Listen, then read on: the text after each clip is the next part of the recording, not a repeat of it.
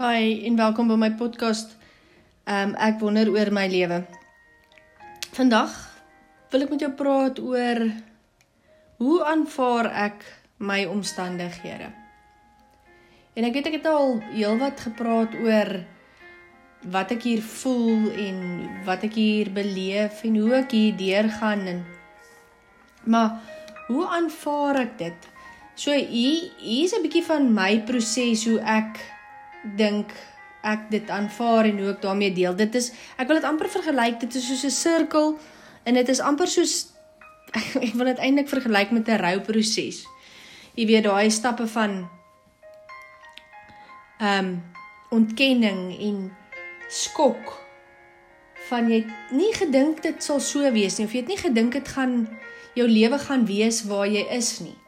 Vir my was dit regtig ehm um, nogal soos ek gesê het in vorige podcast, ek het geweet ek gaan kom en ek gaan die kinders kom settle om die Engelse woord te gebruik en om hulle te eers gemaklik te kry en ingeburger te kry.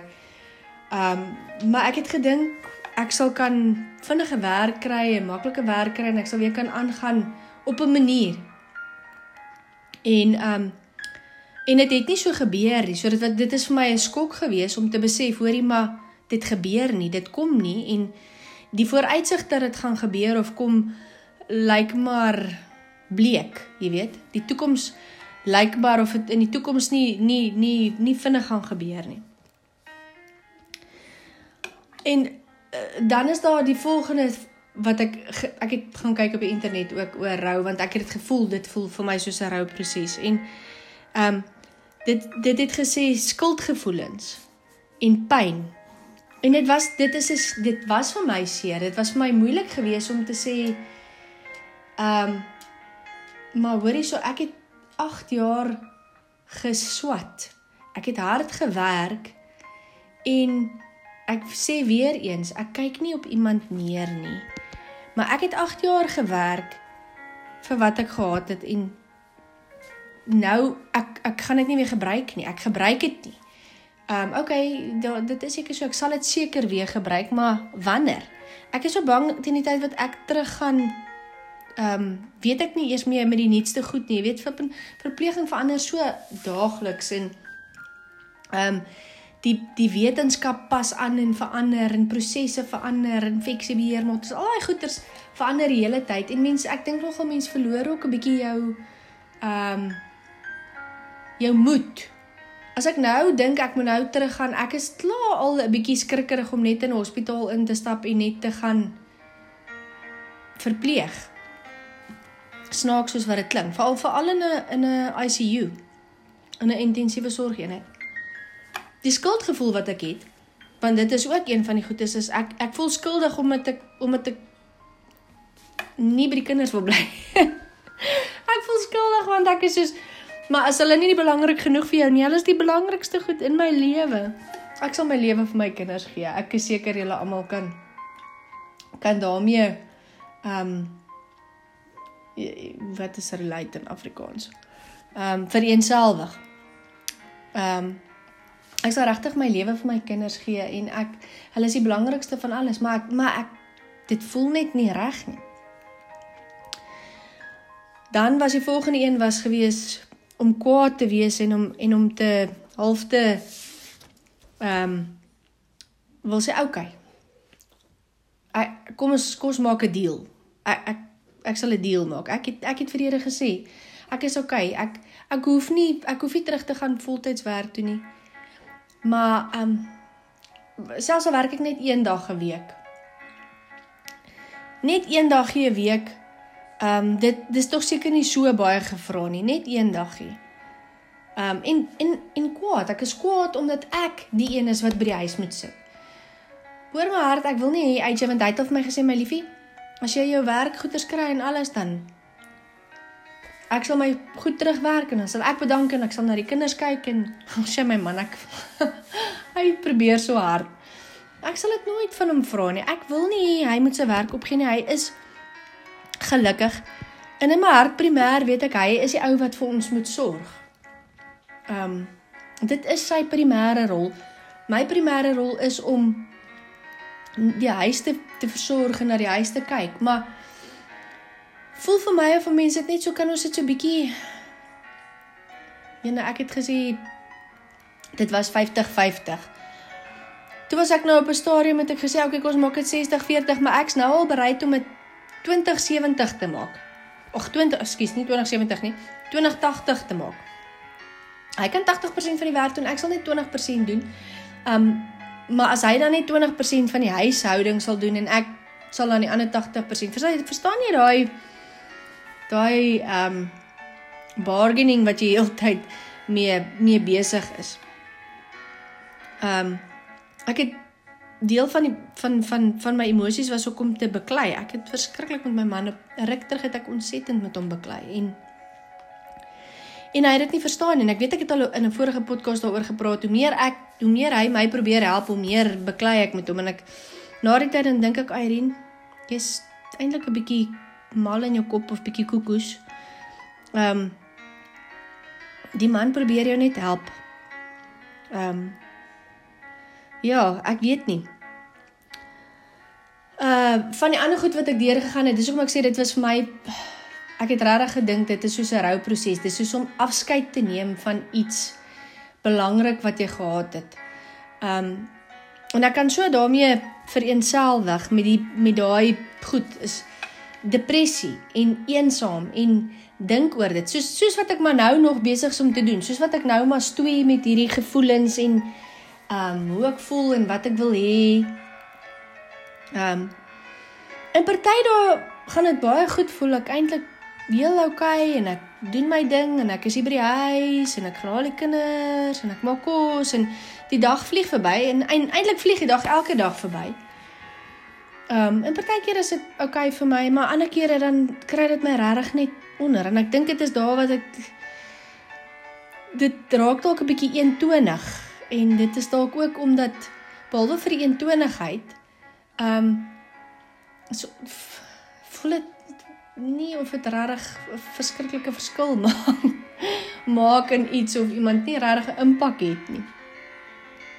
Ehm um, ja. Dan sê hulle mens begin 'n bietjie beter te voel. Nou ja, ek voel meeste van die dae soos ek gesê het, voel ek al 'n bietjie beter. Ehm um, nie altyd nie.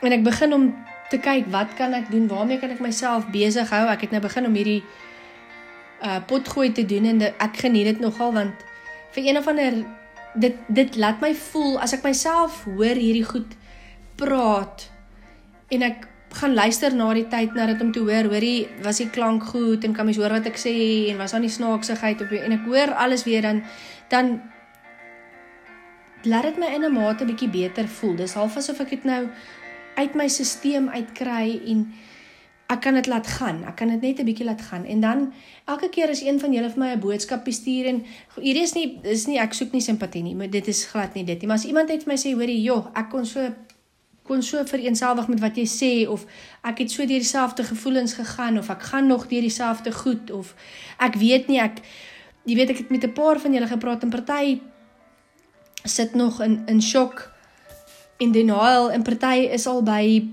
stappie nommer 8 wat ek nou-nou sal noem. Um 'n party is nog hier iewers in die middel rond en uh party dink ek is soos ek ons is by stap 1 2 3 4 Maar ons partykeer is ons weer terug by stap 1. Ons is al verby by stap 1, maar partykeer is ons weer terug by stap 1. Dis so half asof dit ehm um, net 'n sirkel is en as ek so deel van daai ding om te nuwe goed te probeer of om nuwe goed te doen om om met hierdie situasie te te cope, om te verstaan en deur dit te gaan. Ehm um, dink ek is maar dis maar 'n moeilike ding, maar dis soortgelyk aan wanneer mens iets of iemand verloor het. Ehm um, hulle praat ook van wanneer jy nou begin weer deur goed werk en jy begin goed aanvaar en jy het 'n hoop.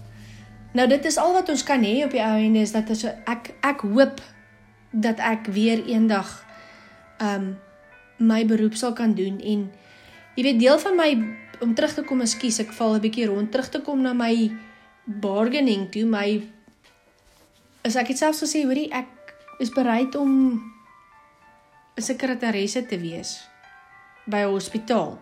Want in, in my werk moes ek baie keer ehm um, ons eenheid se sekretarisse se werk gedoen het want ons eenheid was klein en dan jy moet maar net cope. Hulle vat jou PA en dan moet jy nou maar net aangaan. So ek kan dit doen. En ek gedink, okay, ek is bereid om dit te doen. Dit is nie waarvoor ek opgelei is nie, maar ek kan dit doen want ek moes baie keer instaan om dit te doen. Um, net om iets van daai terug te probeer kry. Um, en ek het aansoek gedoen vir poste en ek het dit nie gekry nie.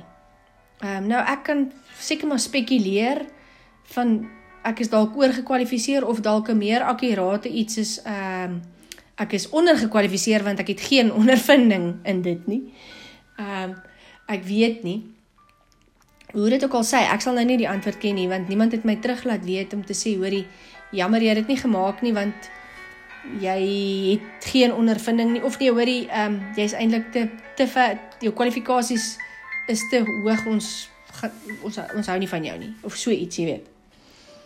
So ek het nou al baie daaroor gewonder en dit voel vir my dit is amp so, regtig soos 'n rouproses. Hoe aanvaar ek my omstandighede? Hoe gaan ek deur hierdie goedjies?